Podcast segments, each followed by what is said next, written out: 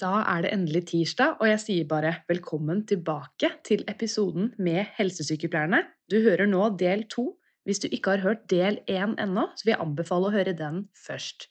Her i del to så får du høre mer fra helsesykepleierstudent Maria, og du får høre mer om selve helsesykepleierutdanningen og hvordan det er å jobbe som helsesykepleier på en videregående skole.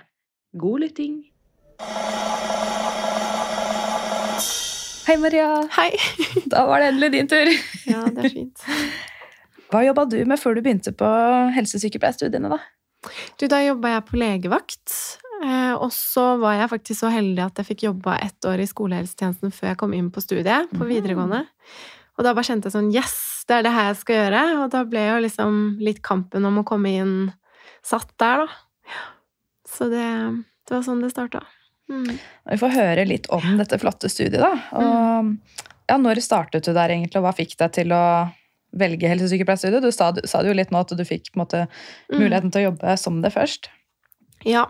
Jeg starta i 2021. Jeg var ferdigutdanna sykepleier i 2018, så det gikk ikke så lang tid, egentlig. Men det er jo flere andre grunner også, egentlig, til at jeg har valgt dette yrket.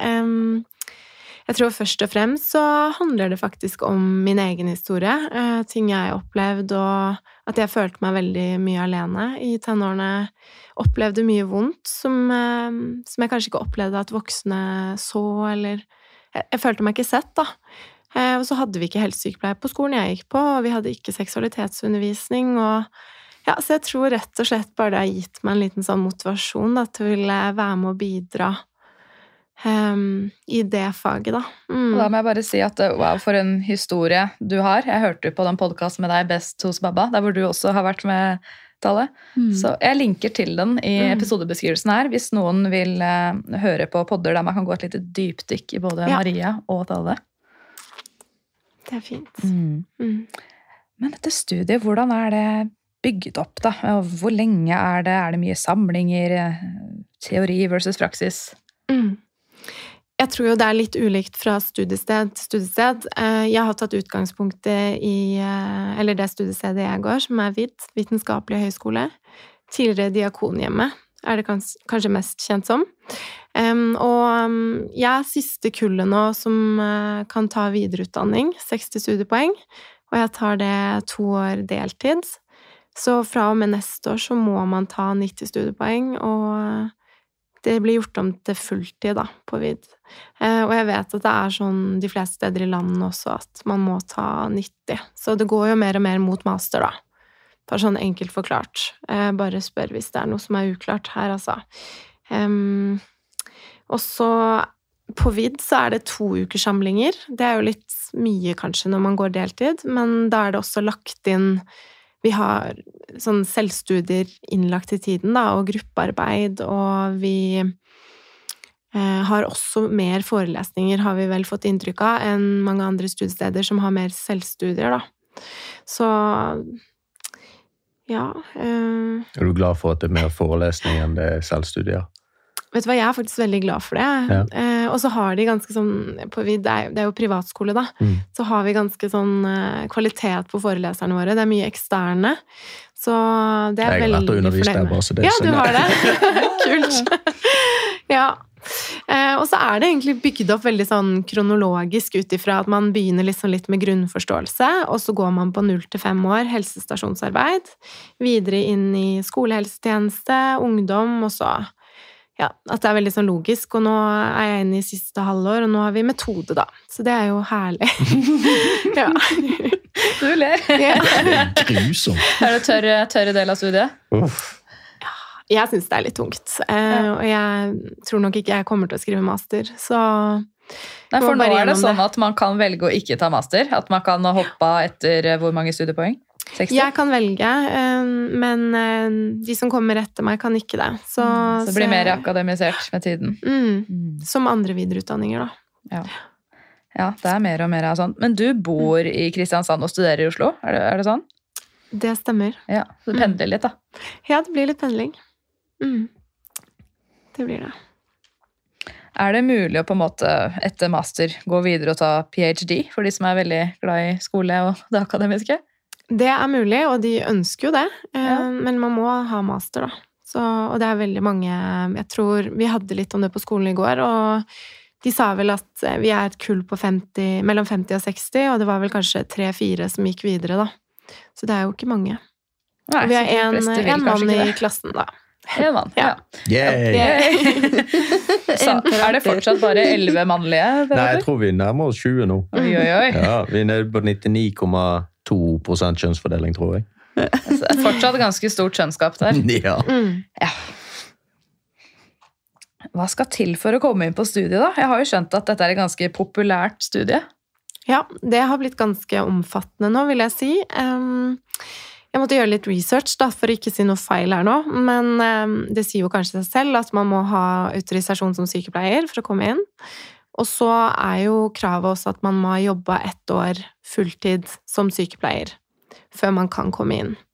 Og så har de også et sånn nedre krav om at man må ha C i snitt, em, i tillegg til eh, tilleggspoeng og sånne ting, da.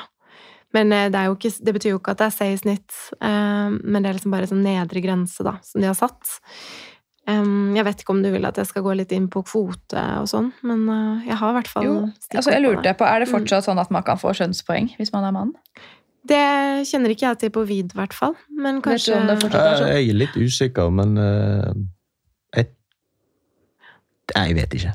På vid er det i hvert fall ikke kjønnskvotering, så vidt jeg kunne se. Nei. Nei.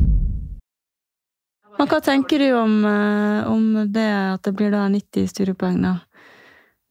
Nei, jeg syns jo hva skal Jeg si, jeg kunne jo tenke meg å ta en master, men jeg syns jo kanskje ikke at det er det som sier om man er en god eller dårlig person for ungdommen, da.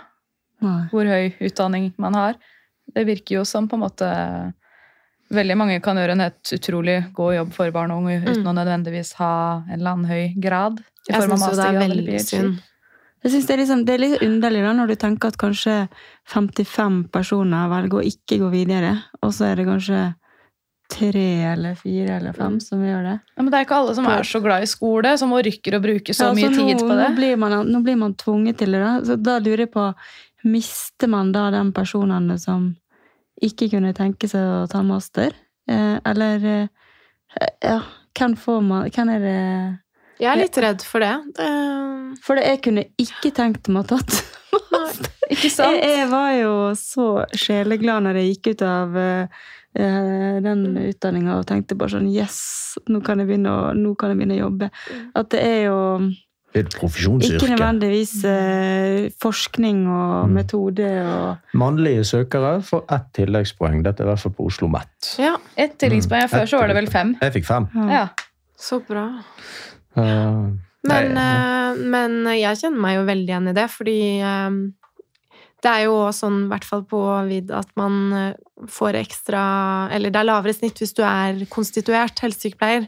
Så det er jo sånn jeg har kommet meg inn, og det er egentlig litt flaks eh, med at jeg gjorde det bra på bacheloroppgaven min, for jeg er ikke noe egentlig A-elev i det hele tatt. Og det er jo helt sykt at snittet nå Jeg regna ut at det er mellom A og B med tilleggspoeng. Eh, Det er jo nesten umulig.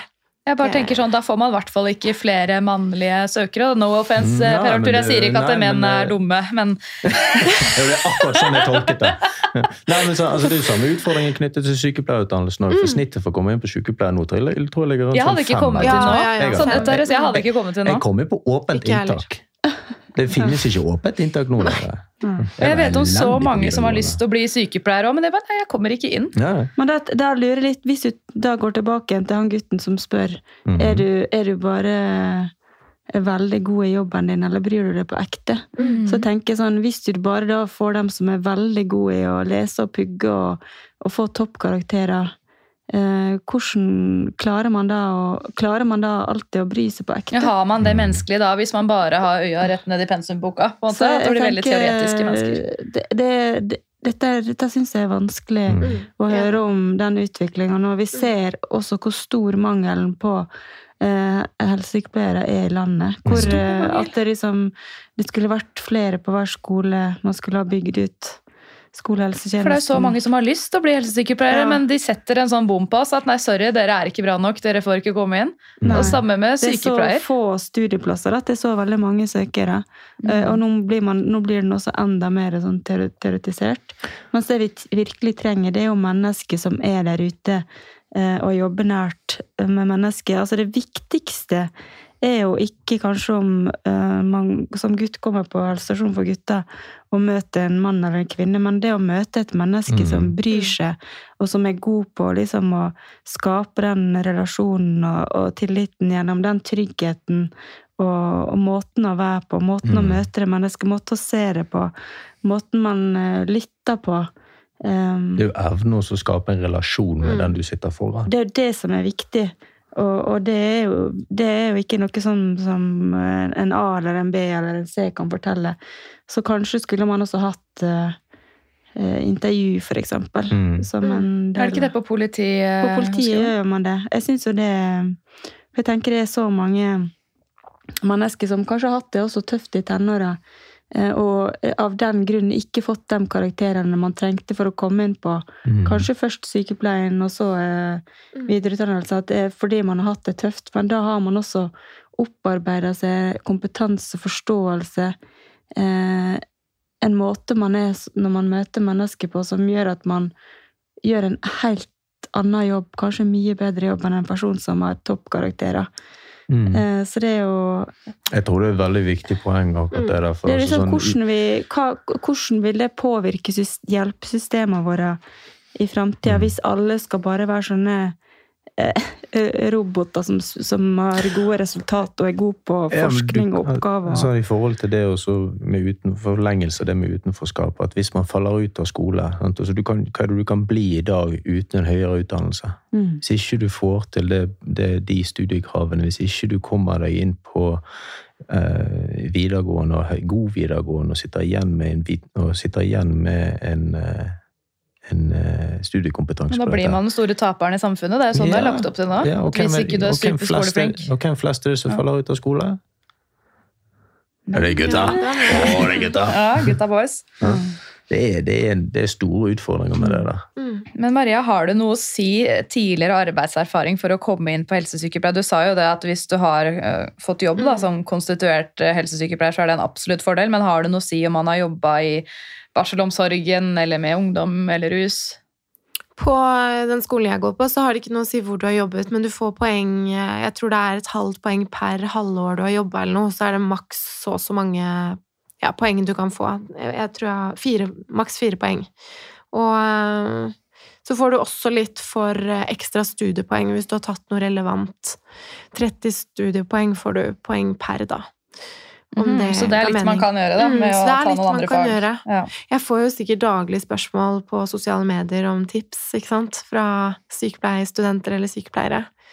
Og da kan jeg jo ikke annet enn å si bare prøv å få deg en stilling og ta ekstra studier, og så er jo jeg jo kjempelei meg for at det, at det er så høyt, og jeg, frø, eller jeg føler meg jo veldig privilegert som, som har kommet inn, og jeg skjønner egentlig ikke helt hvordan, for det er ikke noe gitt Fordi at du har, det er fordi du har gjort en innsats, og du har turt å gjøre det. Du skal ta litt, ja. du skal ta litt av æren sjøl for at du har klart å komme der du har kommet. Mm. Ja, det skal jeg absolutt. Takk for det. Ja. For du også er jo på mm, sosiale medier.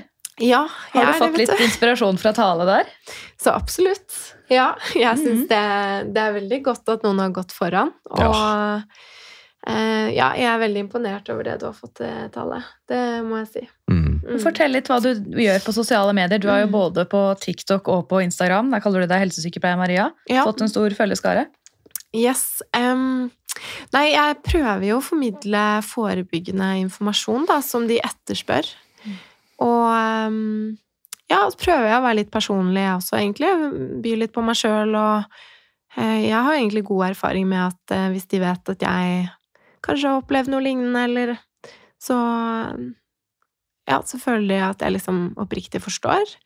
Eh, Men jeg bruker den jo litt sånn privat, da. Ikke i jobben min nødvendigvis. Men em, Spesielt på TikTok, det er jo der kidsa kanskje henger mest nå, er min erfaring, da. Mm. så, så er det Det er så mye spørsmål, og de bare suger til seg all informasjon. Og det er jo dessverre mye fake news og mye urovekkende der inne òg.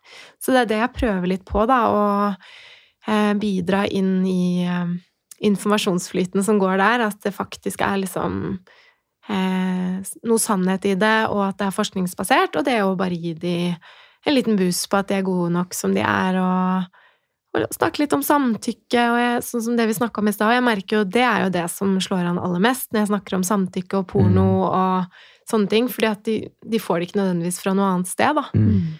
Um, så vi får se hvordan det utvikler seg, men uh, det er i hvert fall det jeg driver med akkurat nå. Jeg, si, jeg er så glad for at sånne som deg, Maria, er der og informerer. Mm. Fordi i en verden nå hvor det er så mye humbug ute og går, og det er folk uten utdannelse som uttaler seg masse om eh, prevensjonsmidler og om ditten og om datten og vaksiner, og så er jeg så glad for at det er noen som faktisk har kunnskap om det, som sprer viktig og riktig informasjon og er til stede og minner folk på at de er bra nok som det er. Det er eh, Nei, det er sånn skytsengel for internett, føler jeg. Jeg prøver i hvert fall, men jeg har sikkert forbedringspotensial, jeg også, altså. Jeg skal spørre dere om noe. Dere som eh, snakker litt med ungdom via sosiale medier, har dere på en måte fått meldinger, alvorlige meldinger da, hvor folk sier at de har lyst til å ta livet sitt? Og i så fall, hva, hva gjør man da? Ja, veldig, veldig, veldig masse. Det var noe jeg var veldig redd for før jeg når, jeg, når, den snappen begynte å spre seg, så tenkte jeg shit, nå kommer det til å komme meldinger mm. eh, fra ungdommer som har det så vanskelig, som er eh, som ikke er mine elever, og som er dermed ikke vet hva de heter. For da får man plutselig et veldig stort ansvar.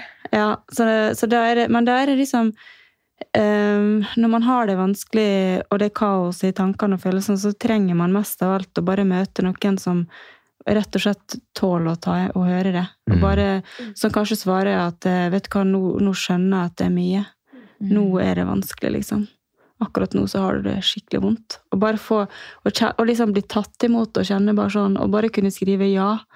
Og så sende av gårde en god klem, og så føler de seg allerede der at de har møtt litt, og så kan man si det videre Det her er skjønner jeg vanskelig, og, og, hvem er det som kunne vært fint å snakke med det her om? Og så finne ut Har de noen personer, en ressurspersoner?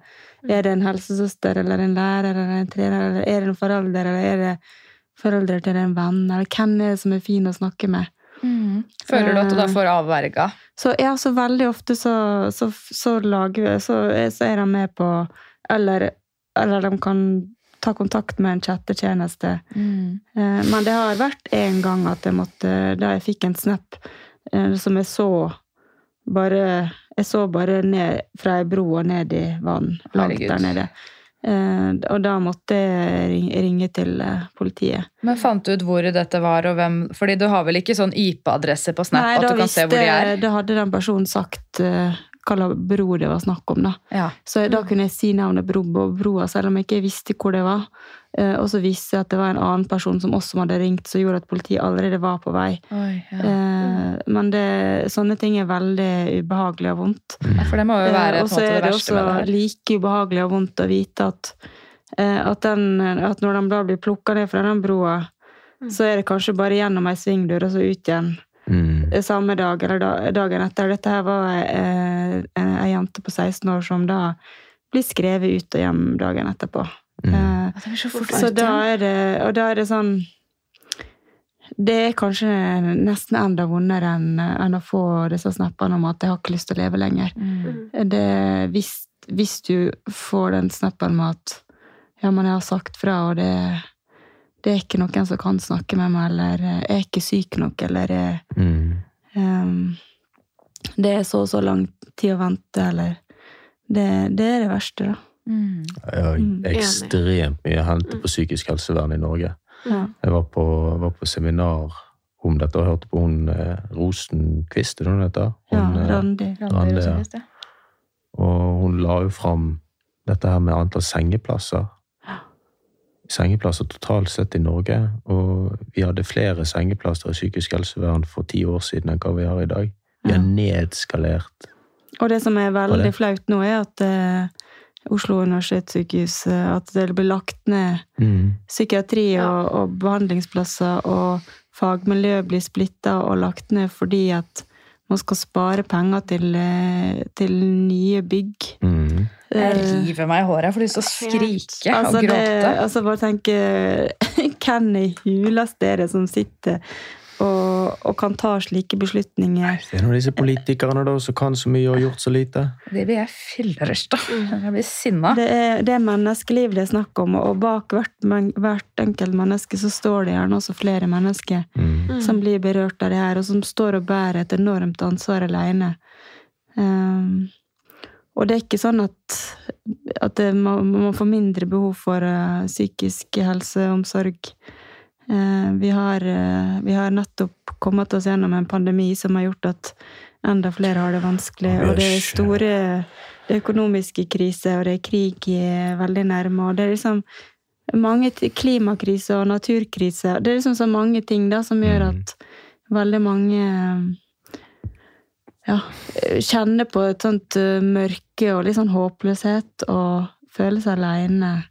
Og det at det da ikke er noen å snakke med, eller at ikke det er et tilbud, eller at det jeg synes Jeg blir helt, helt, eh, mål... Jeg har det helt målløs. Mm. Ja. tenker på det, at sånn, jeg, som- jeg som jobber i Oslo, og jeg er så heldig med det å jobbe i en så stor by med så ekstremt mange ressurser og muligheter og tilbud Mm. å kunne henvise til. Altså Med en gang du kommer ut i Distrikts-Norge, så Mm. altså, der snakker vi mange full aktivitet. Ja, Mm. tilbud. Ja.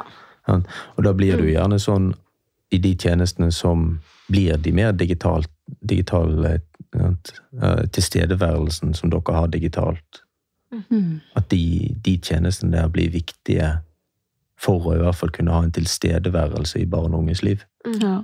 Men det, men det er ikke vi som For det av og til så føles det ut som å, å bære et synkende skip Mm. veldig alene. Da, og at det er på en måte em, At vi skal jo bare være sånn supplement eller Mm. trampoline, og så er det jo på en måte Det er jo der ute Definitivt. det er viktig. Sånn at uh, der har jo vi, vi, har, vi har jo kanskje et stort eh, ansvar og en jobb å gjøre sammen med å påvirke Mm. politikerne ved å kreve endring, ved å stå sammen. Og jeg tenker sånn uh, Når man står alene og roper, så, så kan det også føles veldig ensomt. Og det er liksom som å rope i motvind og ikke få noe svar. Absolutt. Så, så det at vi står sammen også som eh, fagpersoner, som engasjerte eh, medmennesker Mm. på tvers av ulike grupper, Mm. men som, som bryr oss om de samme mennesker, Mm. det er også noe som jeg tenker vi kan, vi kan gjøre enda mer. Vi kan reise oss og slå litt hardere i bordet så det flagrer litt med kaffekoppene. og Jeg er enig i det. Jeg er veldig, enig. jeg er veldig enig i det. Jeg har litt lyst til å starte en sånn marsj utenfor Stortinget. Marsj Mm. for psykisk helse. Mm. Men én ting som er sikkert, det er at man er ikke aleine om å ha det vondt. Og man er heller ikke aleine om å ha sendt inn spørsmål til dere til Q&A-delen. Mm. Eh, skal vi prøve å forte oss gjennom den før vi blir kasta ut? Ja. Det har kommet inn mange spørsmål. Jeg har plukka ut eh, seks spørsmål. Skal vi se om vi rekker å, å svare på de, da. Hvem passer, og hvem passer ikke til å være helsesykepleier? Hvem vil ta den?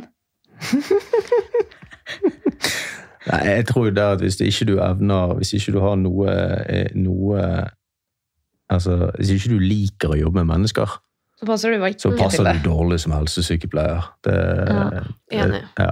Du må like å jobbe med mennesker, du må være nysgjerrig på å forstå mennesker. Og, Mm. og være Tørre å snakke om vanskelige ting. Ja, men jeg har også men- hatt det, van- når jeg har hatt det vanskelig sjøl i livet, når jeg gikk gjennom eh, Når jeg ble skilt Mm. og gikk gjennom samlivsbrudd Mm. og var utbrent i tillegg, da var ikke jeg særlig god helsesykepleier. Altså. Da, lå, da hendte det at jeg låste døra på kontoret, for det er de problemene som kom vandrende inn, de var så mye mindre enn det som jeg sto i. Og da, da måtte jeg rett og slett sykemelde meg et halvt år, ta Mm. meg en pause. Mm. Eh, Sånn at det, selv om jeg kan være verdens beste helsesykepleier, så kan jeg også være verdens dårligste eh, ut ifra hvordan jeg sjøl har det. Oh, ja. Sånn at det Ja, Det er kanskje tror, viktig å ha litt overskudd da, hvis Sånn man skal være i den jobben. Mm. ja, man må ha litt Altså, det er viktig å ta vare på seg sjøl. Veldig. og det er noe som vi kanskje ikke alltid er flinke nok til. Ja, vi er veldig flinke til å så ofre oss sjøl for Ja. å skulle hjelpe andre. Ja, og det, kan jeg godt kjenne Mm. på. Å ja. Mm. ja. At det er liksom selvutsletter, nesten. Det Det er jo en grunn for at vårt yrke kanskje det er et av de yrkene med høyest grad av utbrenthet. Mm. Omsorgstretthet. har Omsorgstrettheten, ja, den har vi smakt mye på. Ja. Ja. Mm, det skal jeg ha en egen episode om, faktisk. Ja, Sammen med en Så viktig tema. Jeg Hvis tror dere- også, Unnskyld, nå, jeg bare skulle spytte inn et ord til, Ja, men eh, veldig kjapt. Men jeg tror jo òg, i hvert fall sånn som jeg ser det i skolehelsetjenesten, så er det nok også en fordel å være litt selvstendig, og det å stole på egne eh, vurderinger og stå litt i det. Mm. Um, for det Ja, det må man nesten, hvis det er lov å si. Mm. Ja. Absolutt. Ja. Nå er det et litt gøy spørsmål. Dette er litt sånn der drømmetenkning, da. Mm. Hvis dere kunne fått ett ønske oppfylt hver fra regjeringen, hva skulle det vært? Skal vi starte med deg, Maria? Ett ønske oppfylt fra regjeringa. Mm. Mer ressurser i skolehelsetjenesten, og så må normtallet opp. Men det har de jo spådd at skal skje nå snart, da. Så Mm. Hva er Ja. normtallet? Ja, det er jo um, For eksempel i videregående så er det én helsesykepleier per 800 elev. Så tror jeg det er eh, 800? Ja. Herregud. Mm. Og så tror jeg det i ungdomsskole er 550 elever per helsesykepleier. Og så jo yngre elevene blir, jo flere er det, da. Og det skjønner ikke jeg meg helt på, da. Mm. Nei, normtallet må opp, så jeg støtter den. Ja. Normtallet må vekk. Ja, det må vekk. Jeg, jeg støtter også den, eh, og at da må kanskje også ting øremerkes. da. Mm. Og, at, og det, må, ting, det må også lovfestes, for det er sånn det som man ser rundt i kommunene, er at det som ikke er lovfesta, det blir det som fortest blir bare tatt vekk. Eh, Og da er det gjerne liksom lavterskeltilbud som er forebyggende for psykisk uhelse og utenforskap. Det er sånne ting som blir tatt vekk først, hvis ikke det er lovfesta. Mm. Fordi at eh, folk er veldig opptatt av å gjøre ting riktig, og det ok. Så, da, så hvis det er lovfesta, så må de gjøre det. Hva vil du ha lovfesta? da, nei, da vil jeg ha flere barne- og ungdomsarbeidere, miljøarbeidere, eh, inn som en del av et team. Eh, Og jeg vil ha skolepsykologer som jobber på alle skoler, også barneskoler. Eh, Og så vil jeg også ha mm, så jeg vil rett og slett ha flere voksne inn da, som er med å, å bygge det laget. Og så vil jeg også ha eh, fritidsklubber. Du har flere enn For ett ønske, alle. men det er lov. Ja. Ja, så, ja. så det er egentlig men det er penger og folk inntil eh, Kanskje et minimumstall? At det må være minimum. Og så ser, Man ser sånn som på Helene sjekker ut uh, Mortensrud. Syns jeg er glitrende eksempel på eh, noe man må gjøre mer av. Da. Mm. Det å åpne skolen på kvelden, eh, få inn i miljøarbeidere, eh, masse aktiviteter. Eh, det er sånne ting som, eh, som er kjempeviktig. For det er ikke alle eh, Det er ikke alle som vil gå på fotball og håndball og sånn. Mm. Så det å da ha andre muligheter til å møtes og være sosiale, og ikke bare sitte hjemme på skjermen sin helt alene, sånn som veldig mange ungdommer gjør, da blir det fortere ensomhet og utenforskap, da. Viktig innspill. Per Arthur, har du et ønske til regjeringen? det- Her er det så mange gode ønsker. Jeg er veldig på dette her med eh, større økning av åpne møteplasser. Mm. Det, altså, disse to årene med pandemi, vi har ikke merket ringvirkningen av de ennå. Og den, mang, den graden av manglende sosial læring som barna våre og ungene våre har gått glipp av nå, den bærer det store preget av og vil være pre, bære preg av fremover. Så det som jeg tror vil være en viktig ting for oss å bedre psykiske helsen, det er ikke nødvendigvis å fokusere på hva vi får angst av, men også starte med å si gi, vi, gi oss plasser hvor vi kan møtes og ha det gøy på en Mm. trygg og, trygg og ja, imøtekommende måte. Så flere sånne ting som Mortensrud, flere samlingspunkter der de kan møte trygge voksne, men også trygge medmennesker. Det tror jeg hadde gjort. Kanskje jeg skal starte Haugenstua-festivalen? Åh, det har vært stas. Vi må videre til neste spørsmål. Jeg føler meg så streng. Jeg føler meg som Fredrik Solvang. Ja. Eh, Hva kan man snakke med helsesykepleier om, og hvordan gå frem dersom man har behov for å snakke med helsesykepleier? Jeg føler Vi har oppsummert ganske greit hva man kan snakke med en helsesykepleier om. Da. Det er jo basically alt. Men Ja. hvordan går man fram hvis man vil ha en samtale? Er det bare å banke på døra, eller må man booke? Eller? Skal jo i utgangspunktet, Vi opererer jo med utgangspunktet med åpen dør-policy. Man kan men, eh, eh, banke på døra, man kan eh, gå inn på Hvis det er en skole, så, så bruker jeg tipset man kan gå inn på hjemmesida til skolen, så finner man skolehelsetjenesten. Mm. Finner, der finner du kanskje en mailadresse eller et telefonnummer. Du kan sende en melding og spørre har du noe ledig, eller barnet mitt skulle gjerne ha snakka med, eller jeg skulle Mm. gjerne ha snakka, eller kan vi gå en tur en dag, for jeg har ikke så lyst til å komme på kontoret, eller at noen skal se at jeg går dit, for det er Mm. fremdeles vanskelig. Er det noen som syns det er flaut å gå til helsesykepleier? Ja, Ja, ja. veldig. Mm. Og det er også veldig store forskjeller fra skole til skole. Da. Eh, ja. Jeg dro så mye til helsesykepleiere herregud, for å skulke mattetimene. Jeg har veldig behov for å snakke med helsesøster, sa jeg den gangen det het det. Så gikk jeg dit og bare Jeg kan få kondomer. Mm. Ja. Men det er i hvert fall mange muligheter, og på den skolen jeg jobber, og så bruker jeg også Snap, for eksempel, og der kan de også sende melding, og det gjør de. Ja, så nå er du Ja. på Snap, du òg. Ja. Jo da, jeg er på Snap. Skolehelsa di. Men uh, den er jo for Mandal videregående, først og fremst, da. Men uh, ja. Mm. Ja, det er ikke, nei, den er ikke det nå lenger. Nei! Nei, nå vet alle om det. Men eh, det er rett og slett bare å banke på døra hvis helsesykepleier er til stede, eller Mm. sende en mail, eller kanskje noen har en sånn liten postkasse hvor man kan legge opp en lapp. Det skal i hvert fall være lett, da, sånn jeg skjønner det, å kontakte Mm. skal helsesykepleier. det. Og hvis du ikke syns det er lett, så er det lov å si ifra. Mm. Spør læreren din, en voksen på skolen du stoler på, da, om de kan hjelpe deg i kontakt. Det finnes muligheter, altså. Mm. Mm. Neste spørsmål. Jeg føler det er relevant for deg siden du er student. Hva savner dere på studiet Helsen fremtidig lektor på helsesykepleierutdanningen? Mm. Det er jo få svare så også, flott da, at hun spør om det. Eller Ja. han. Eh, hen, kan jeg si. Ja, det er en, eh, det er en henne, Ja. faktisk. Ja. Jeg syns jo at det helt klart eh, burde vært mer om ungdomshelse. Og eh, kanskje mer sånn lavterskel, sånn livsmestring, råd og tips. Eh, for jeg har lest meg veldig mye opp på egen hånd, altså. Eh, vi har jo så mye samtaler, og så blir man bare kasta ut i det nærmest. Det er ikke noe, Vi øver ikke på det. Og som tallet sa i stad, at det er jo veldig fokus på å være en profesjonell helsesykepleier og ja, det derre at man ikke skal være for personlig og Eller privat, sier de vel. Ja, for det er forskjell på personlig og privat. Ja. har jeg har helt skjønt hva jeg skal være. Nei. Nei. Men eh, jeg tenker noen ting skal man jo ikke dele, men jeg har i hvert fall fått igjen for å være litt, eh, litt personlig, da. Det koster ikke meg så mye om de vet litt om meg, så Nei. Noe dere savna? Jeg Dere savnet voksne. mer, eh, altså, jeg savnet mer fordeling i det å i gi- jobbe med ungdom. Det er veldig lite fokus på ungdom, i hvert fall når jeg gikk på studiet. Ja, er det mest fokus på småbarn? ja. Jeg Mm. opplevde det, ja. Eh, og så syns jeg det er altfor lite, alt for lite kunnskap rundt at, eh, nettopp den digitale verden som barn og unge lever i. Mm. ja, det ikke minst. Det er jo noen parallell, parallell verden som veldig mange lever i. føler jeg. Og bare kommer til å fortsette å leve mye, mye, mye, mye mer i. Vi hadde Mm. én time nå i fjor eh, eh, med ung.no. Én Mm. time. Ja. Om digital helse, holdt jeg på å si, eller om Ja. internett. Og det- Ja. 45 minutter var det da, egentlig. og da, eh, da er ikke det sånn at vi skal være, som blir så jækla bevisste på hvor- negativ eh, påvirkning sosiale medier kan ha, men det er også å forstå hvordan vi Mm. kan bruke den digitale verden som en ressurs for vår tjeneste, da, Mm. tenker jeg. Mm. Og det var det fokuset det var, da. Så Ja, det så var jo bra. fint. Det var veldig bra. Mm. Ja. Se løsninger der i stedet for å bare Nei, det er et stort problem, det snakker vi ikke om. Er Internett er farlig. det er jo løsninger vi skal se etter. Så det er nok i bedring, tror jeg. Vi hadde faktisk en uke om prevensjon og sånn òg, så det er mer enn det var før, tror jeg. Ja. Ja, det er en begynnelse. Noe du savna? Eh, nei, det begynner å bli en stund siden. Jeg husker ikke så godt. Det har skjedd så mye på, på den tida der. Eller Eh, er det så er bedre det- å spørre deg om det er noe du savner nå? Eh, nei, det er jo litt eh, Kanskje enda bedre på samarbeid, da. Det å Ja.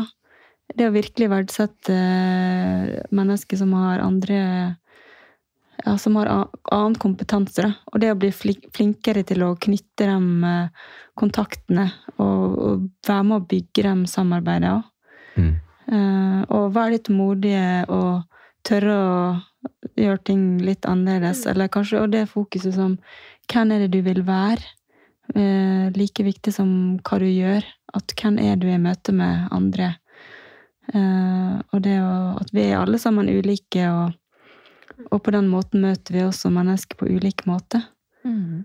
Men det å, tørre, det å ha med seg hjertet sitt i jobben, da, men samtidig ta vare på seg sjøl. Det å lære å hvile like mye som alt vi skal pugge, eller det å Kanskje det å lære å ta vare på seg sjøl som en omsorgsperson, det Mm. tror ikke man, eller Det kunne man generelt lært mer om på og sykepleierstudiet. skulle også du samme absolutt ha mer med, med, med ungdom, liksom. At Mm. jeg lærte heller ikke så mye om det. Jeg har hørt at det er en greie som utgår litt, at også sånn på barneavdelinger, da, for der er det jo barn fra 0 til 18, at det er veldig fokus på små barn og bamser og leker, mens tenåringene blir litt sånn glemt. Mm. Ja, det er veldig mange tenåringer, altså ungdom med kroniske lidelser som blir satt på sykehjem.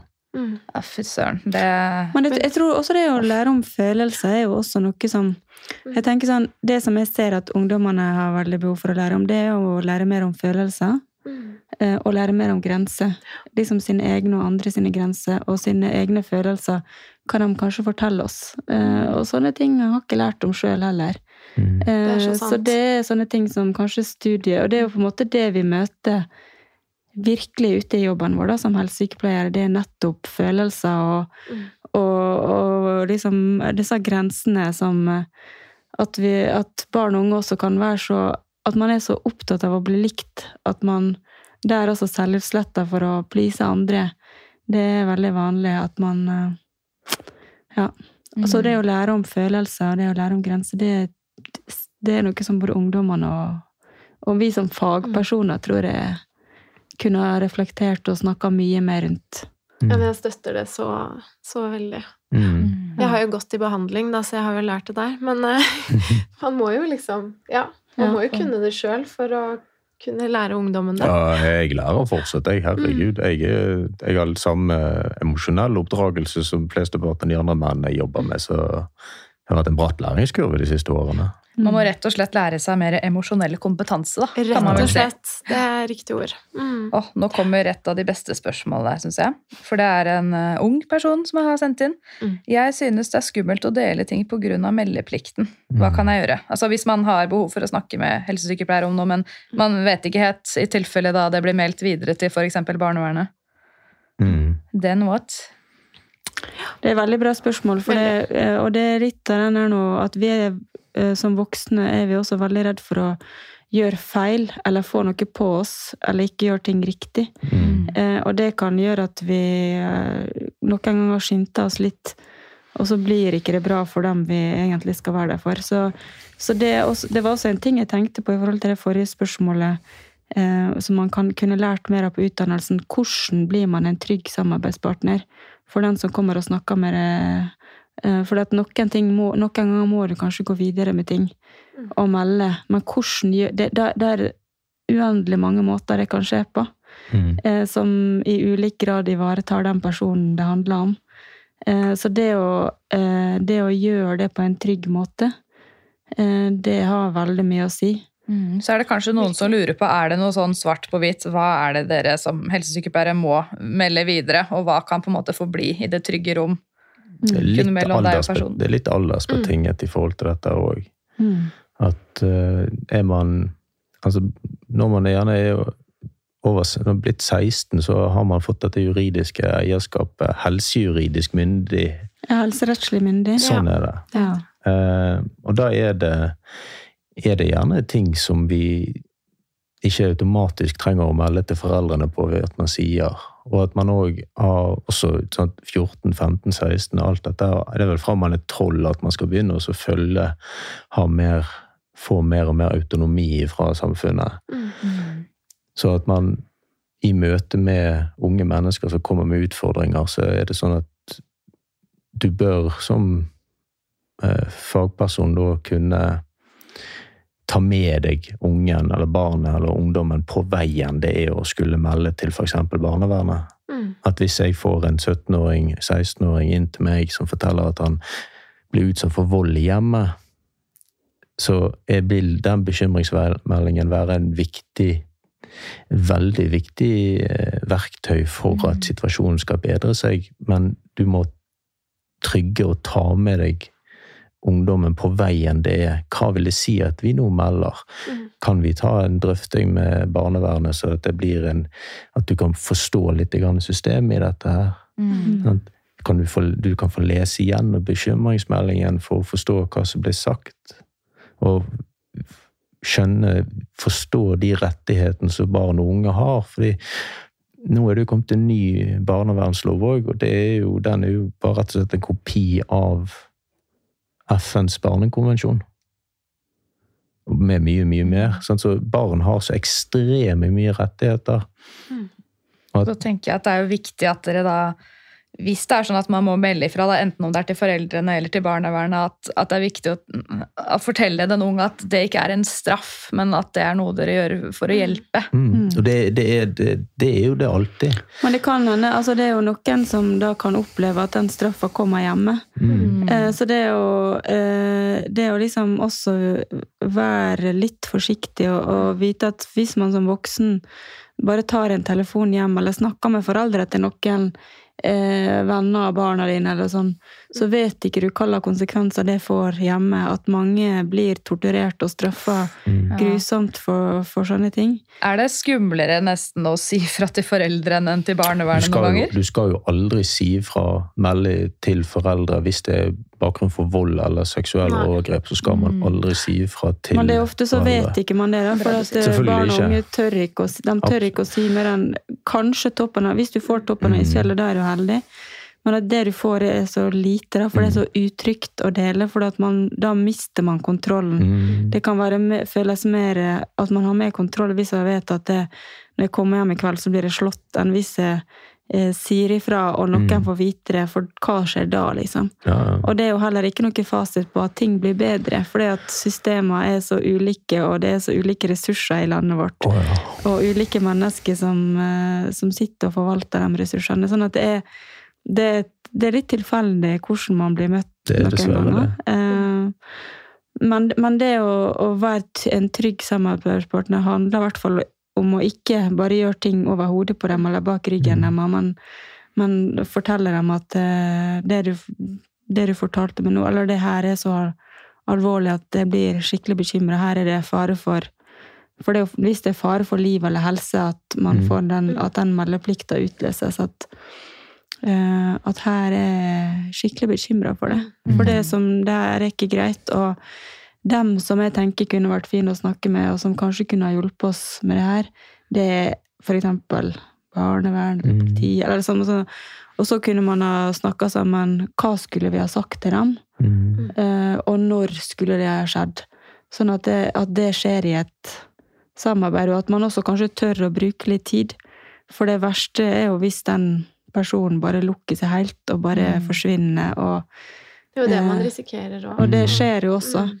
Det er jo ungdommer som har sagt at det, jeg fortalte om det og det, og så ringte de bare til barnevernet uten å si fra til meg, og det gjorde at de ikke snakka på to år. Åh, da blir det tillitsbrudd òg, kan jeg tenke meg. Ja, og, det, sånn, og, og det der, men i utdannelsen her òg, så blir vi jo også veldig opplært til at Jeg lærer dere om det. Vi lærer jo om når vi skal melde, men da er det jo sånn Det er jo, det er jo ikke Man lærer kanskje ikke så mye hvordan man skal Nei. Hvordan man skal det- gå frem. Det, det er veldig mye etikk i det. Ja, sant? At vi, det er veldig på oss. Ja, sant? For altså, hvis vi, Mm. altså, det er jo også den overhengende faren at hvis ikke vi har meldt, da kan, Kan vi få da straffa- kan vi få Da slår det tilbake på dere. Ja. Mm. Og det er jo, ja, sånn at noen ganger blir jo det styrende? Og da- da- eh. Men da blir det jo en sånn greie at vi man skal hjelpe. Ja, og, og da Man må gjerne Man må jo tåle en del i dette yrket. Ja. Man må evne å romme den utfordringen, den smerten som vi vil møte. Og at, som du sier, at kanskje ikke det beste for å hjelpe ungdommen er å melde det øyeblikket du får vite at det skjer, men tørre å stå i det samme med ungdommen som har, Ja. som har levd lenge i Mm. det helvetet som er Bruke litt hjemme. tid med dem, Og tørre å bruke litt tid med Ja. det. Det er selvfølgelig ulike nivåer av dette her Ja. Og noen er jo også klar for å komme seg ut der med en gang. Mm. Eh, altså jeg har, jeg har snakka med, med barn og unge på Snap som har, eh, som har dratt hjemmefra samme kveld som vi har hatt den samtalen. Mm. Eh, og som bare Hva stikker jeg hjemmefra? Nei, nei ja, det er Ja, for eksempel så snakka jeg med noen Det fortalte jeg om på, på Snap-kanalen min i fjor. På 17. mai så var det noen foreldre som ikke hadde eh, stått opp Mm. den dagen for å feire 17. mai. Eh, og det var mye Det var mye alkohol, og det var mye bråk. Mm. Så og da, da dro den ungdommen til eh, en, eh, en venn og familien. Det er Eh, mange, sånn at mye det som skjer i de mange hjem. Ja. Men jeg tenker at akkurat det her da, det er vel sånn perfekt ting å skrive etikkoppgave om, sånn apropos Ja. etiske dilemmaer. Jeg fikk en idé nå til hovedoppgaven min. Skriv om det, Maria. Gjør det. Ja, Skal vi ta det siste spørsmålet, som er et hyggelig spørsmål? Mhm. Vil du skyte inn noe på slutten her? så Ja, skal du få jeg lov til det? bare at, for jeg, jeg kjenner jo litt på det, bare for å oppsummere litt, at um, jeg tror jo vi helsesykepleiere har et større ansvar i å forklare til ungdommen hva taushetsplikten innebærer, da, og hva det vil si med meldeplikt, sånn at man ikke bare ja, jeg har taushetsplikt, du kan fortelle meg alt, ikke sant? Man Det var bra du nevnte taushetsplikten, for det er en veldig viktig del i jobben Mm. deres. Mm, men så jeg bare vil si det at jeg tror hvis vi gjør en god jobb der og forklarer hva det innebærer, og tar med ungdommen, ikke sant, lar de eie sin historie, Mm. så tror jeg at det kan oppleves bedre, da.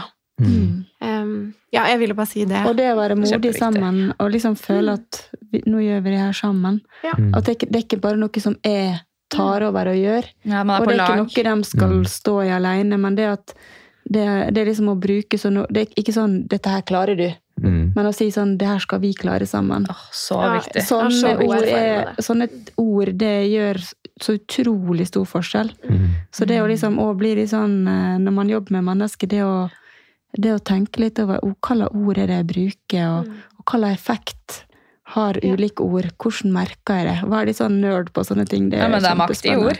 Ja. Virkelig. Ja, virkelig. Jeg støtter det så veldig Tale. Mm. Mm. Og apropos ord, nå kommer det noen hyggelige ord. Hva er det beste med å være helsesykepleier? Ja.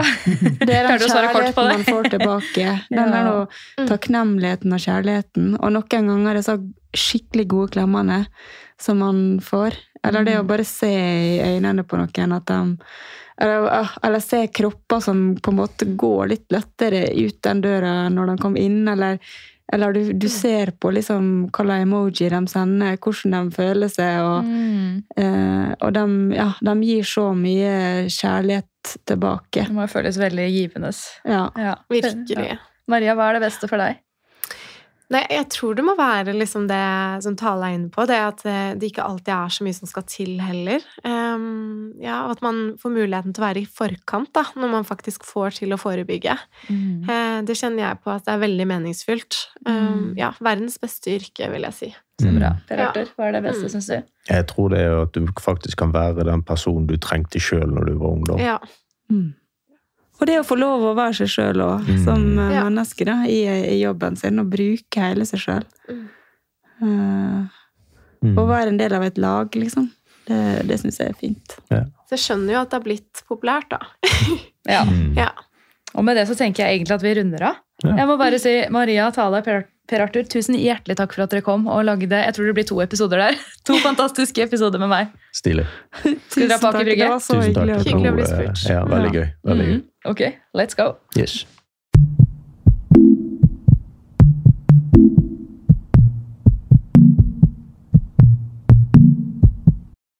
Sitter du der og tenker jeg skulle gjerne hatt litt mer av Maria, jeg». så fortvil ikke. Maria er hjemme hos meg nå på Haugenstua. Vi sitter her i stua. Så velkommen tilbake, Maria.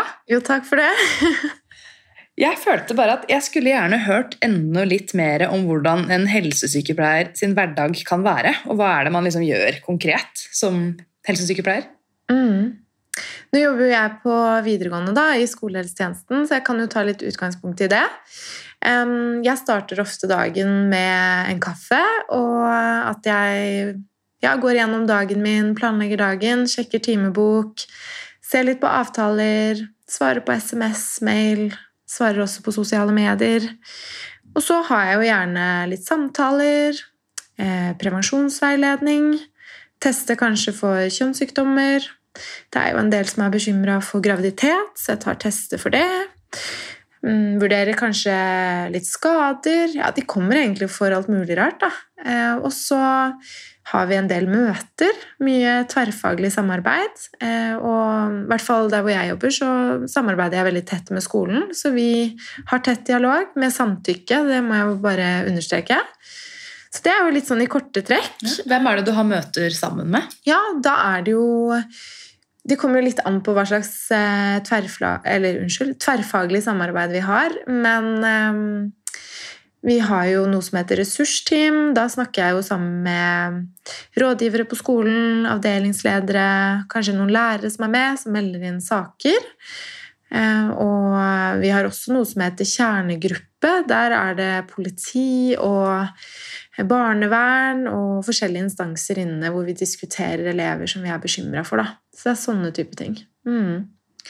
vi kan også ha samarbeidsmøte med ABUP, eller BUP som man kaller det noen steder, eh, hvis vi har elever som vi samarbeider rundt. da.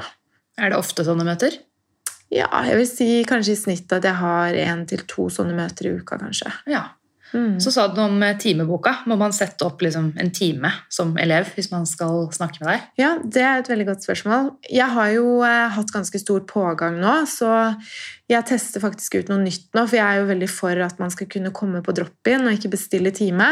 Så nå har jeg drop-in hver dag fra tolv, sånn at de bare kan komme på døra. Eh, men eh, vi får se åssen det går. Det, det er jo ikke lett. og hva var det jeg tenkte på? Jo, jeg har jo f.eks. valgt å ikke ha lunsj når elevene har det. Eh, fordi eh, da kommer de jo gjerne på døra, og det er jo da de har en del fri. ikke sant? Så da spiser jeg jo gjerne lunsj før eller etter det. Det er jo et sånt tiltak som jeg har valgt å ha for å være tilgjengelig for elevene. da. Så mm. Og så er det jo de som foretrekker også timeavtaler og vil ha noe konkret å forholde seg til også, da. Så det prøver jeg også å ta hensyn til, selvfølgelig. Mm. Jeg lurte litt på dette med prevensjon. Mm. For det er jo et eh, hett tema. Det går vel aldri av moten, eller hva jeg skal si. Fordi man har vel alltid hørt at man kan i hvert fall få noen kondomer hos eh, helsesykepleier. Men eh, hva slags type prevensjon kan man få av helsesykepleier? Og er det noe aldersgrense på hvem som kan få og ikke? Mm. En helsesykepleier har eh, forskrivningsrett på alle typer prevensjonstyper, altså p-piller, p-stav, spiral, p-ring, p-plaster, eh, p-sprøyte hvis du ønsker det. Vi setter jo også disse hvis det er ønskelig. Setter du inn spiraler?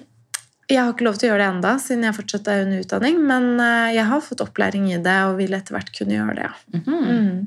Men p-stav, er det lege som har satt inn? Nei, det kan også helsesykepleier gjøre. Hei, da skal jeg gå til deg neste gang. Ja, ikke sant? Hvis du vil ha en p-stav, så kan jeg sikkert ordne det.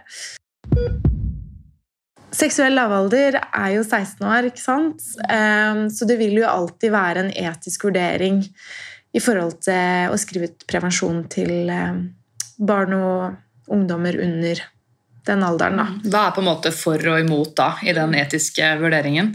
Ja, eh, når ungdom er mellom 12 og 16 år, så vil det jo alltid være en vurdering om eh, de f.eks. er i stand til å svare på disse kontrollspørsmålene Eller vi har jo en sånne kontrollspørsmål i forhold til familiesykdommer, og eh, det er jo mange som ikke vet det helt. ikke sant? Og veldig mange ønsker jo ikke å involvere foresatte heller når de er så unge. Um, så da må man jo hele tiden ta en vurdering på eh, om det er greit. Det stiller jo et enda større ansvar til helsepersonellet som skriver ut. Eh, og noen har jo også veldig gode grunner sant, til at ikke foreldrene skal vite. Og da skal man faktisk lytte til det. Det er faktisk et sånt unntak i loven. Da. Men det vil alltids være en etisk vurdering. og ja, eh, når man er under 14 år, så er man jo egentlig under straffbar alder i forhold til eh, sex. Um, så det er jo tricky. Så jeg syns det er faktisk litt vanskelig også å svare på. Um, så nå jobber jo jeg med ungdom på videregående som er over 16. Ja, litt lettere, kanskje? Det er faktisk litt lettere, men jeg er jo innom på helsestasjon for ungdom også. Og der kommer det jo stadig ungdomsskoleelever inn og vil ha prevensjon, så da må man jo ta en, en individuell vurdering på det, da. Hvorfor spør man liksom sånn Hva er det du skal med dette? Skal du ha sex med noen på din egen alder, eller skal du ha sex med noen over 16? Må du stille sånne type spørsmål? Altså, Man skal jo egentlig undre seg litt sammen med eleven, da. Jeg pleier kanskje å kartlegge litt om de har en kjæreste, eller om de har en fast partner. Men hva er liksom en fast partner, da? Det kan jo også være vanskelig for de å definere. Men det å liksom undersøke er dette noe du gjør fordi du har lyst, eller er det noe du gjør fordi Noen tvinger deg eller presser deg? ja, eller fordi du har sett på porno og tror at det er noe du må gjøre. Det å, for det er jo en grunn til at vi har seksuell lavalder. Den er jo for å beskytte barn mot overgrep, og det å også hindre at barn og ungdom har sex før de på en måte er modne for det. da. For Hvis man er 15 og er sammen med en 17-åring, så er det jo liksom sånn per loven pedofili, da. Eller sånn straffbart. I hvert fall hvis man er sammen med en 18-åring og er 15. Ja, det, det, faktisk eh, Det kan faktisk være straffbart eh, Eller det er egentlig straffbart, men jeg føler det blir litt feil å si det òg. Men, men, det er jo noe å snakke med ungdommen om det. ikke sant? Det er jo sikkert fint for de at kanskje de syns dette er ok, men så kan det være de har noen foreldre som ikke syns det er greit, og kanskje foreldre til og med velger å anmelde ikke sant? Så det er jo noe med å reflektere litt sammen med de over disse tingene. Mm. Men det er, det, er, det er veldig vanskelig. Det er det. Og eh, nå prøver jo jeg å forholde meg til lovverk, og, men jeg sitter jo på ingen som helst måte på fasiten. Noen er sikkert enda mer eh, strenge på dette, og noen er kanskje enda mer løsslupne Nei, hva kaller man det? Liberale? Ja, liberale, kan vi si. Ja. Mm. Ja, for jeg, jeg, tenker jo litt sånn at ja, det er et lovverk her. Man skal jo egentlig ikke ha sex hvis man er under 16 Eller man skal ikke ha sex med noen som er under 16 år. Men hvis da denne personen kanskje kommer til å ha sex uansett, så er det vel bedre at man da bruker prevensjon og ikke blir gravid. Mm, det er veldig fint at du sier det. Jeg er jo helt enig. ikke sant? Det er jo også et etisk dilemma på dette her. ikke sant? Du vil jo heller at de skal bruke prevensjon hvis du vet at de har sex uansett, ikke sant? enn at de, de plutselig risikerer å bli ufrivillig gravide. da. Og uh, kanskje må ta et valg som de ikke er helt modne for å ta. Ja. Ja, jeg kan jo innrømme selv at eh, jeg starta litt før tiden. Var veldig takknemlig for at eh, jeg hadde en helsesykepleier å gå til som hjalp meg. Ikke bare 'nei, du er altfor ung'. Mm. Det er jo veldig viktig å møte ungdommene der de er, og ikke dømme de, og ja, vise forståelse. Man har jo vært der sjøl, som du sier. Men det vil jo alltid være litt sånn at ja, noen begynner å ha sex litt tidligere. Noen begynner kanskje med alkohol litt tidligere. Da er det fint å ha noen som kan gi deg god informasjon og veiledende, og ikke bare shame deg og si det der får du ikke lov til, fy skam deg. Det hjelper ingen, tror jeg. Nei, så jeg bare ønsker så gjerne at de kommer, så vi får hatt den praten. ikke sant? At eh, de ikke går og utforsker på egen hånd, og så kan det gå veldig galt. da så er det jo kanskje noen som trenger hormonell prevensjon for å kontrollere f.eks. store blødninger. Da. Det er ikke alltid man bruker prevensjonsmiddel for å unngå å bli gravid. Det ikke minst, ikke sant? og der tenker jeg jo det er fint å involvere foresatte også. Og jeg vet ikke helt om jeg ville ha skrevet ut prevensjon til, eh, til en elev som hadde somatiske plager eller ville ha prevensjon av den årsak, da tror jeg jeg hadde sendt eleven til eh, fastlegen sin. faktisk. Ja, for det var en ting du nevnte i stad. Familiesykdommer og sånn. Hvilke type sykdommer i familien er det som kan være en kontraindikasjon på prevensjonsmidler? Ja, det kommer jo litt an på hvilken prevensjonstype man vil gå for. da. Men vi har jo f.eks. noe som kalles for kombinasjonspreparater. Eh, det er eh, ja, prevensjon som inneholder både noe som heter gestagen og østrogen. Og det er jo p-piller, men det er også p-ring og p-plaster. Eh, disse typene er det litt strengere indikasjoner på. Eh, det er jo bl.a. Eh, viktig å utelukke blodproppfare, hjerte-karsykdommer, brystkreft og noen typer medisiner. Eh, så hvis man har liksom historikk i familien på det, eller man har eh, historikk selv, så skal man være forsiktig med det. Men da kan man jo f.eks. få eh, rene gestagenpreparater i stedet. Der er det litt mindre indikasjoner. Mm. Jeg husker at fastlegen har målt blodtrykk på meg å, før uh, han ga meg uh, p-piller back in the days. Sjekker du blodtrykk på dine elever? Ja, det gjør jeg. Så hvis man har for høyt blodtrykk, da, så må de til legen. Mm. Sjekke ja, det først. Så bra at det er på en måte Det virker som det er tydelige retningslinjer her. da, På at dere sjekker ut er det noe som kan være i fare her, for at mm. ikke det er trygt å gi dette medikamentet. Hvis om det er sånn nei, du må til lege først, er det på en måte mm. nei på alle farespørsmål, så ok, da er dette trygt. Ja, og så tror jeg, sånn som jeg er nå kanskje Jeg er litt opptatt av dette med kvinnehelse òg. At man ikke bare setter en ung jente på p-piller hvis de har kraftige menstruasjonsblødninger, kraftige smerter. Da vil jeg gjerne at de sjekker det hos en lege først. ikke sant? Fordi, så fint at du sier det. Ja, Men jeg vet ikke om alle gjør det. Men det jeg tenker er liksom, for da kan man jo fort gå på de p-pillene eller ha den p-staven i lang tid. ikke sant? Og så kamuflerer dette for symptomene på kanskje endometriose eller PCOS. ikke sant? Eh, så jeg tror det er utrolig viktig å ikke bare skrive ut, men å gå grundig gjennom, kartlegge og gi de nok informasjon, sånn at de kan ta et riktig valg for seg selv. Da. Eh, for det er jo egentlig ikke vi som bestemmer hva slags eh, type prevensjon de skal ha, det bestemmer de sjøl. Selv. selvfølgelig så har vi jo disse retningslinjene, så jeg kan ikke skrive ut hva som helst til dem hvis de ikke kan ha det, men de skal få lov å si noe om det sjøl. Og det skal lyttes til.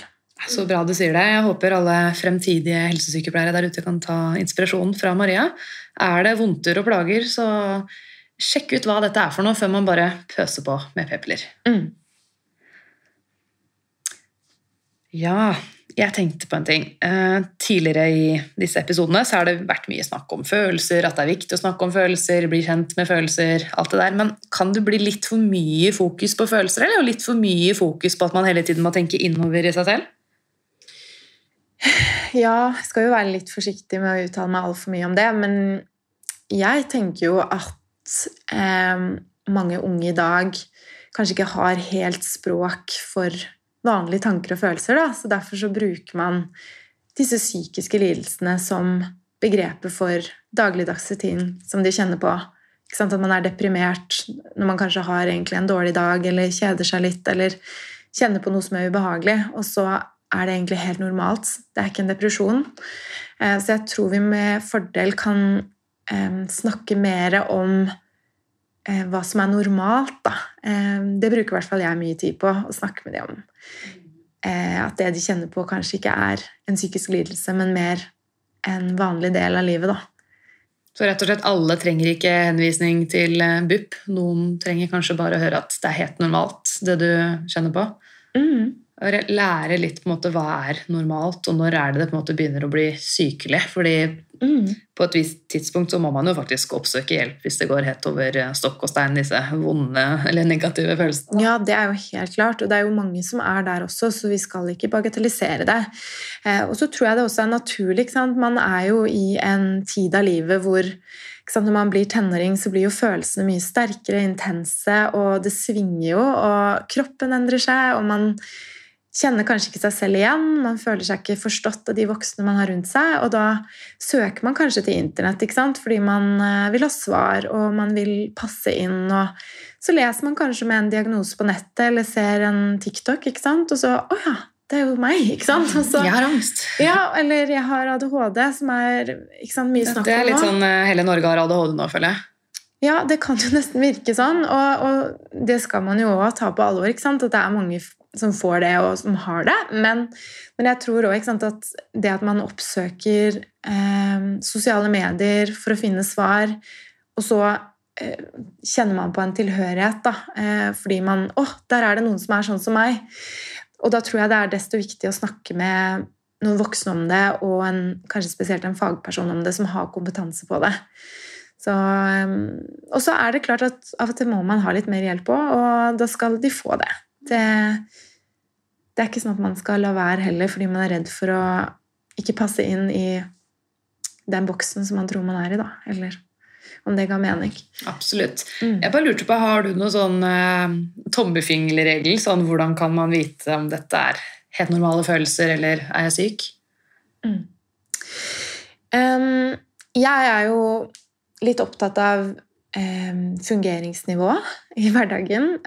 Og jeg kartlegger nok aller først også når elever kommer og har det vanskelig. Så prøver jeg å kartlegge hvordan sover de, hvordan spiser de, beveger de seg, hvordan fungerer det på skolen, nettverk.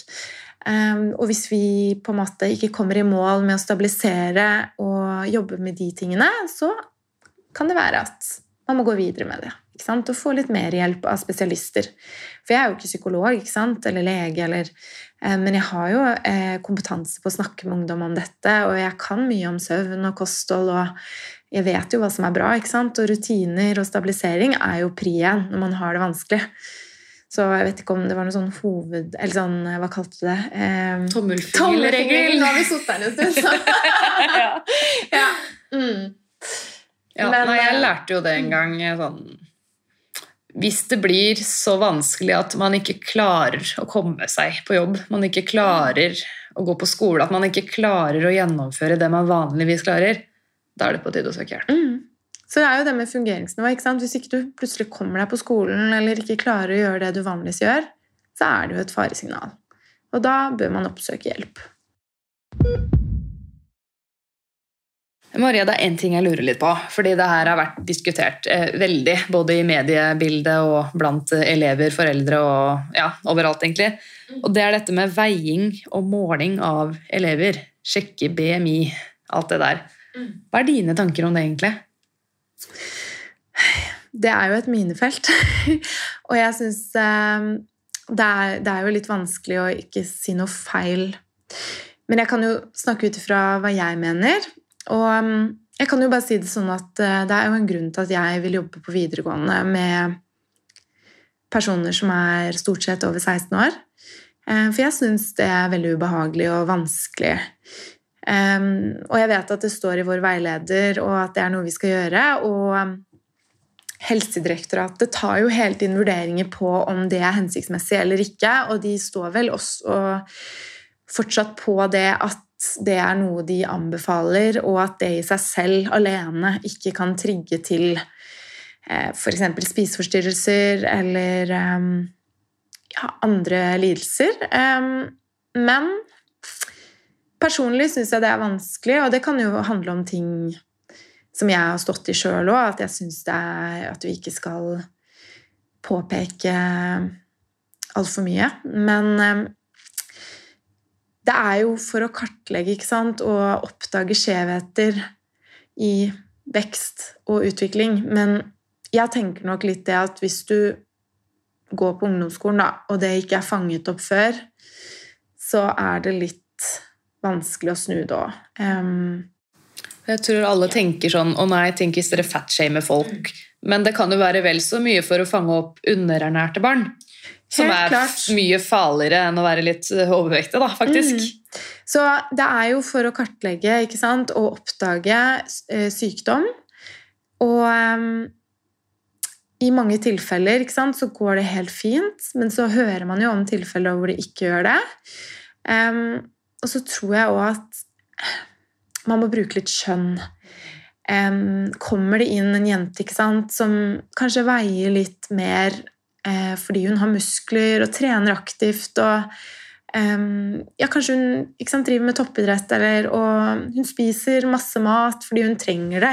fordi hun, hun, beveger seg aktiv. Eh, og så har hun kanskje litt for høy BMI av den grunn, så tenker jeg at da kan man bruke skjønn og ta en helhetlig vurdering på at da er det kanskje helt normalt i hennes tilfelle. Så man må se på totalen, og så tenker jeg at eh, ja, det er nok noe som er i utvikling. Og jeg vet at eh, vi hadde om det på skolen i høst, og de ser jo på om vi skal flytte f.eks. den vektkontrollen som er i åttende trinn, til å ha den før, eller om man skal ha den litt senere, for det er jo en utrolig sårbar tid for disse ungdommene.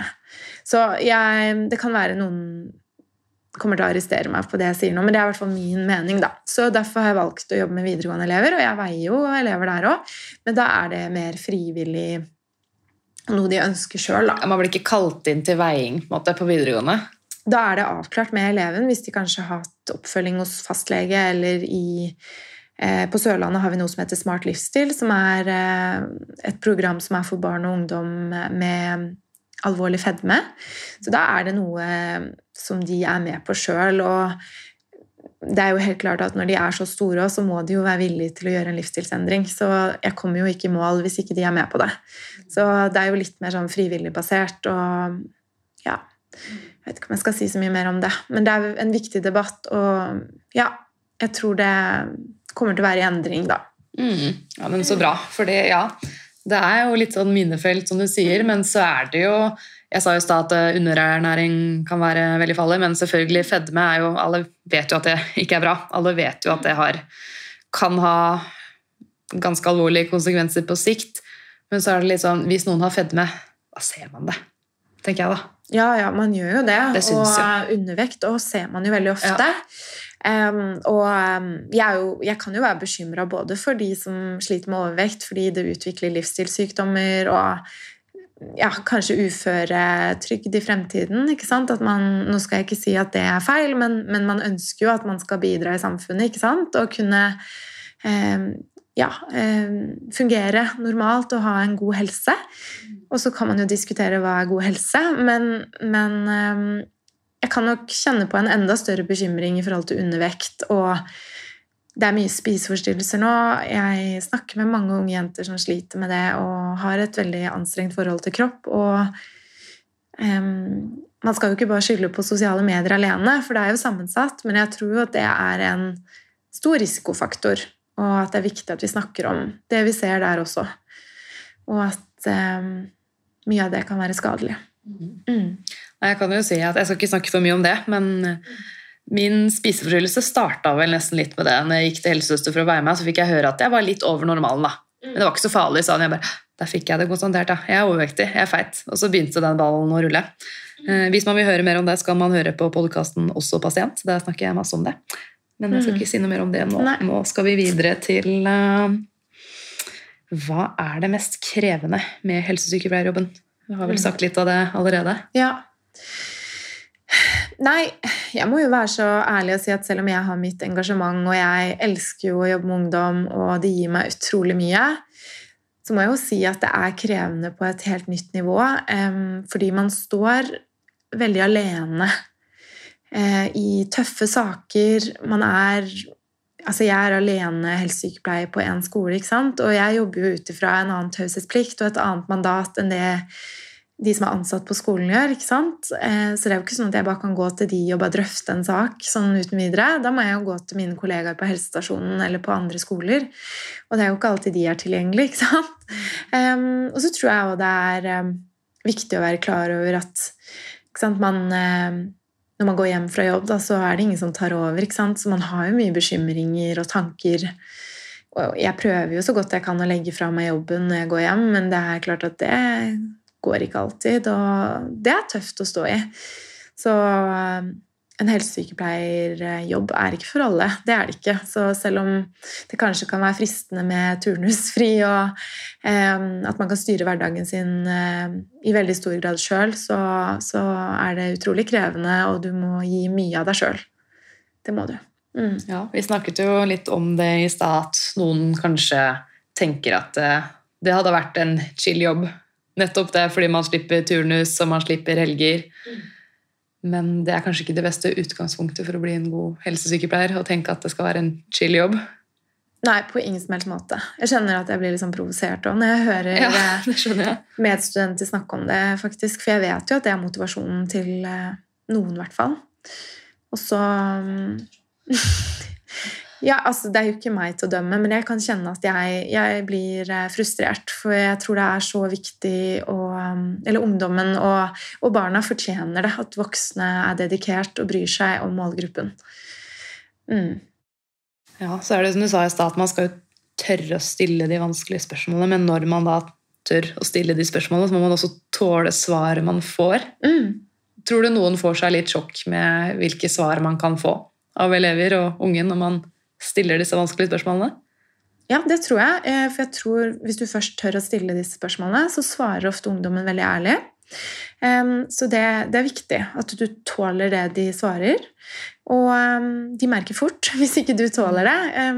Nå er nok jeg en litt sånn rett på helsesykepleier. Jeg er veldig opptatt av at man skal bygge tillit og ja, skape dialog og bli kjent og sånne ting. Men jeg er òg veldig rett ut at jeg tør å stille de vanskelige spørsmålene. Og um, da må man tåle svaret. Og de trenger en helsesykepleier som, som tåler de og står i det sammen med de.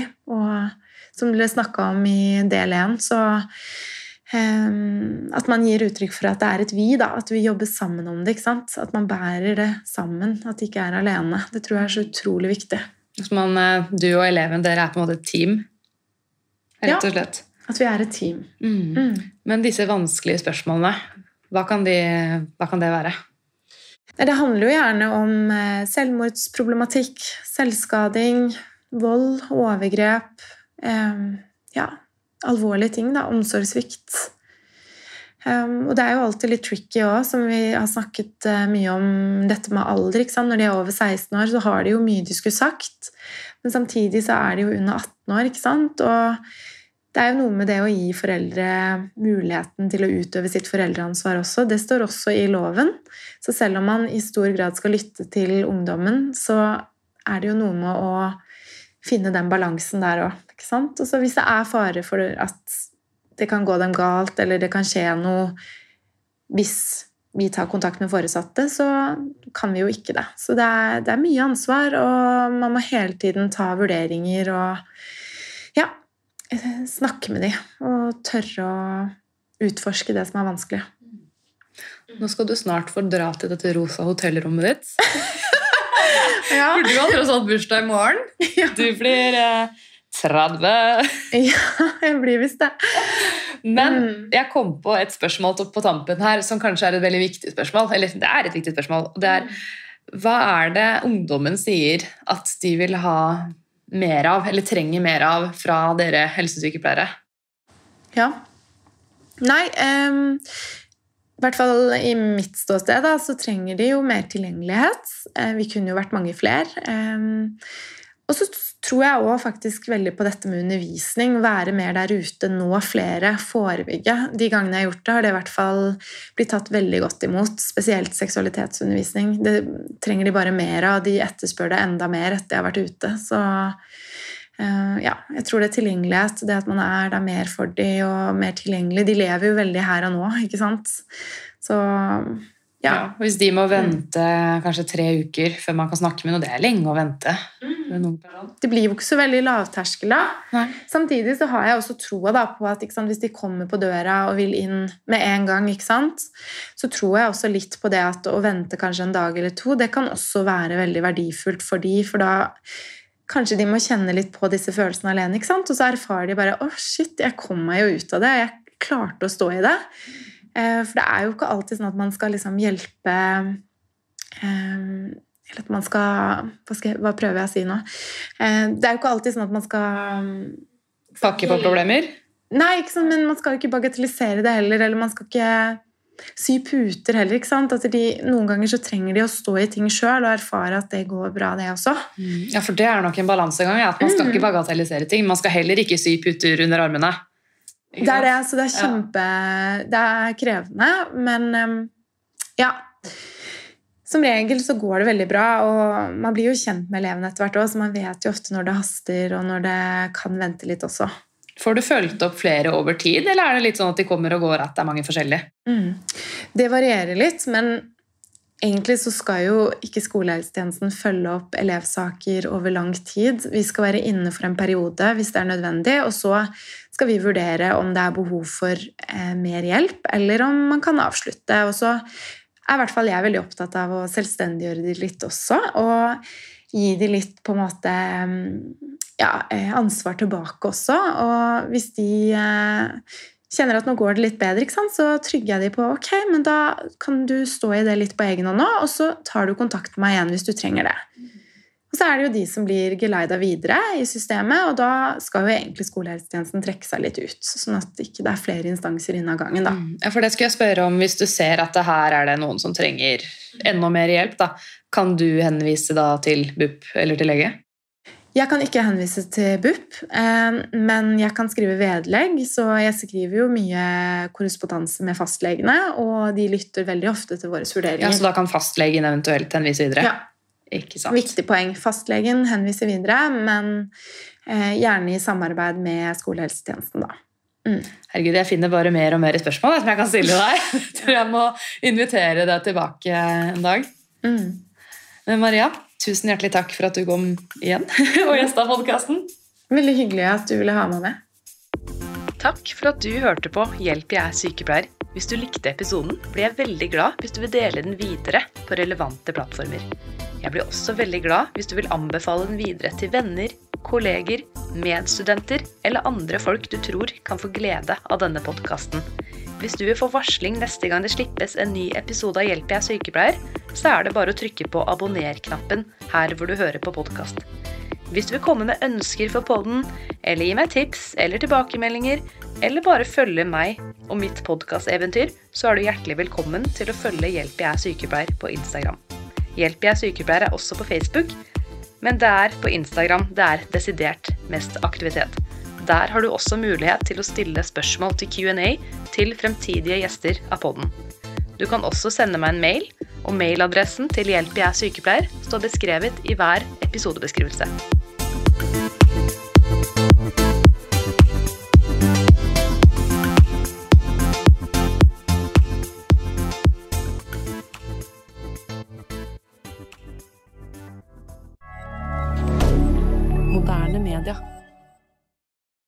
Har du et enkeltpersonforetak eller en liten bedrift? Da er du sikkert lei av å høre meg snakke om hvor enkelt det er med kvitteringer og bilag i fiken, så vi eh, gir oss her, vi.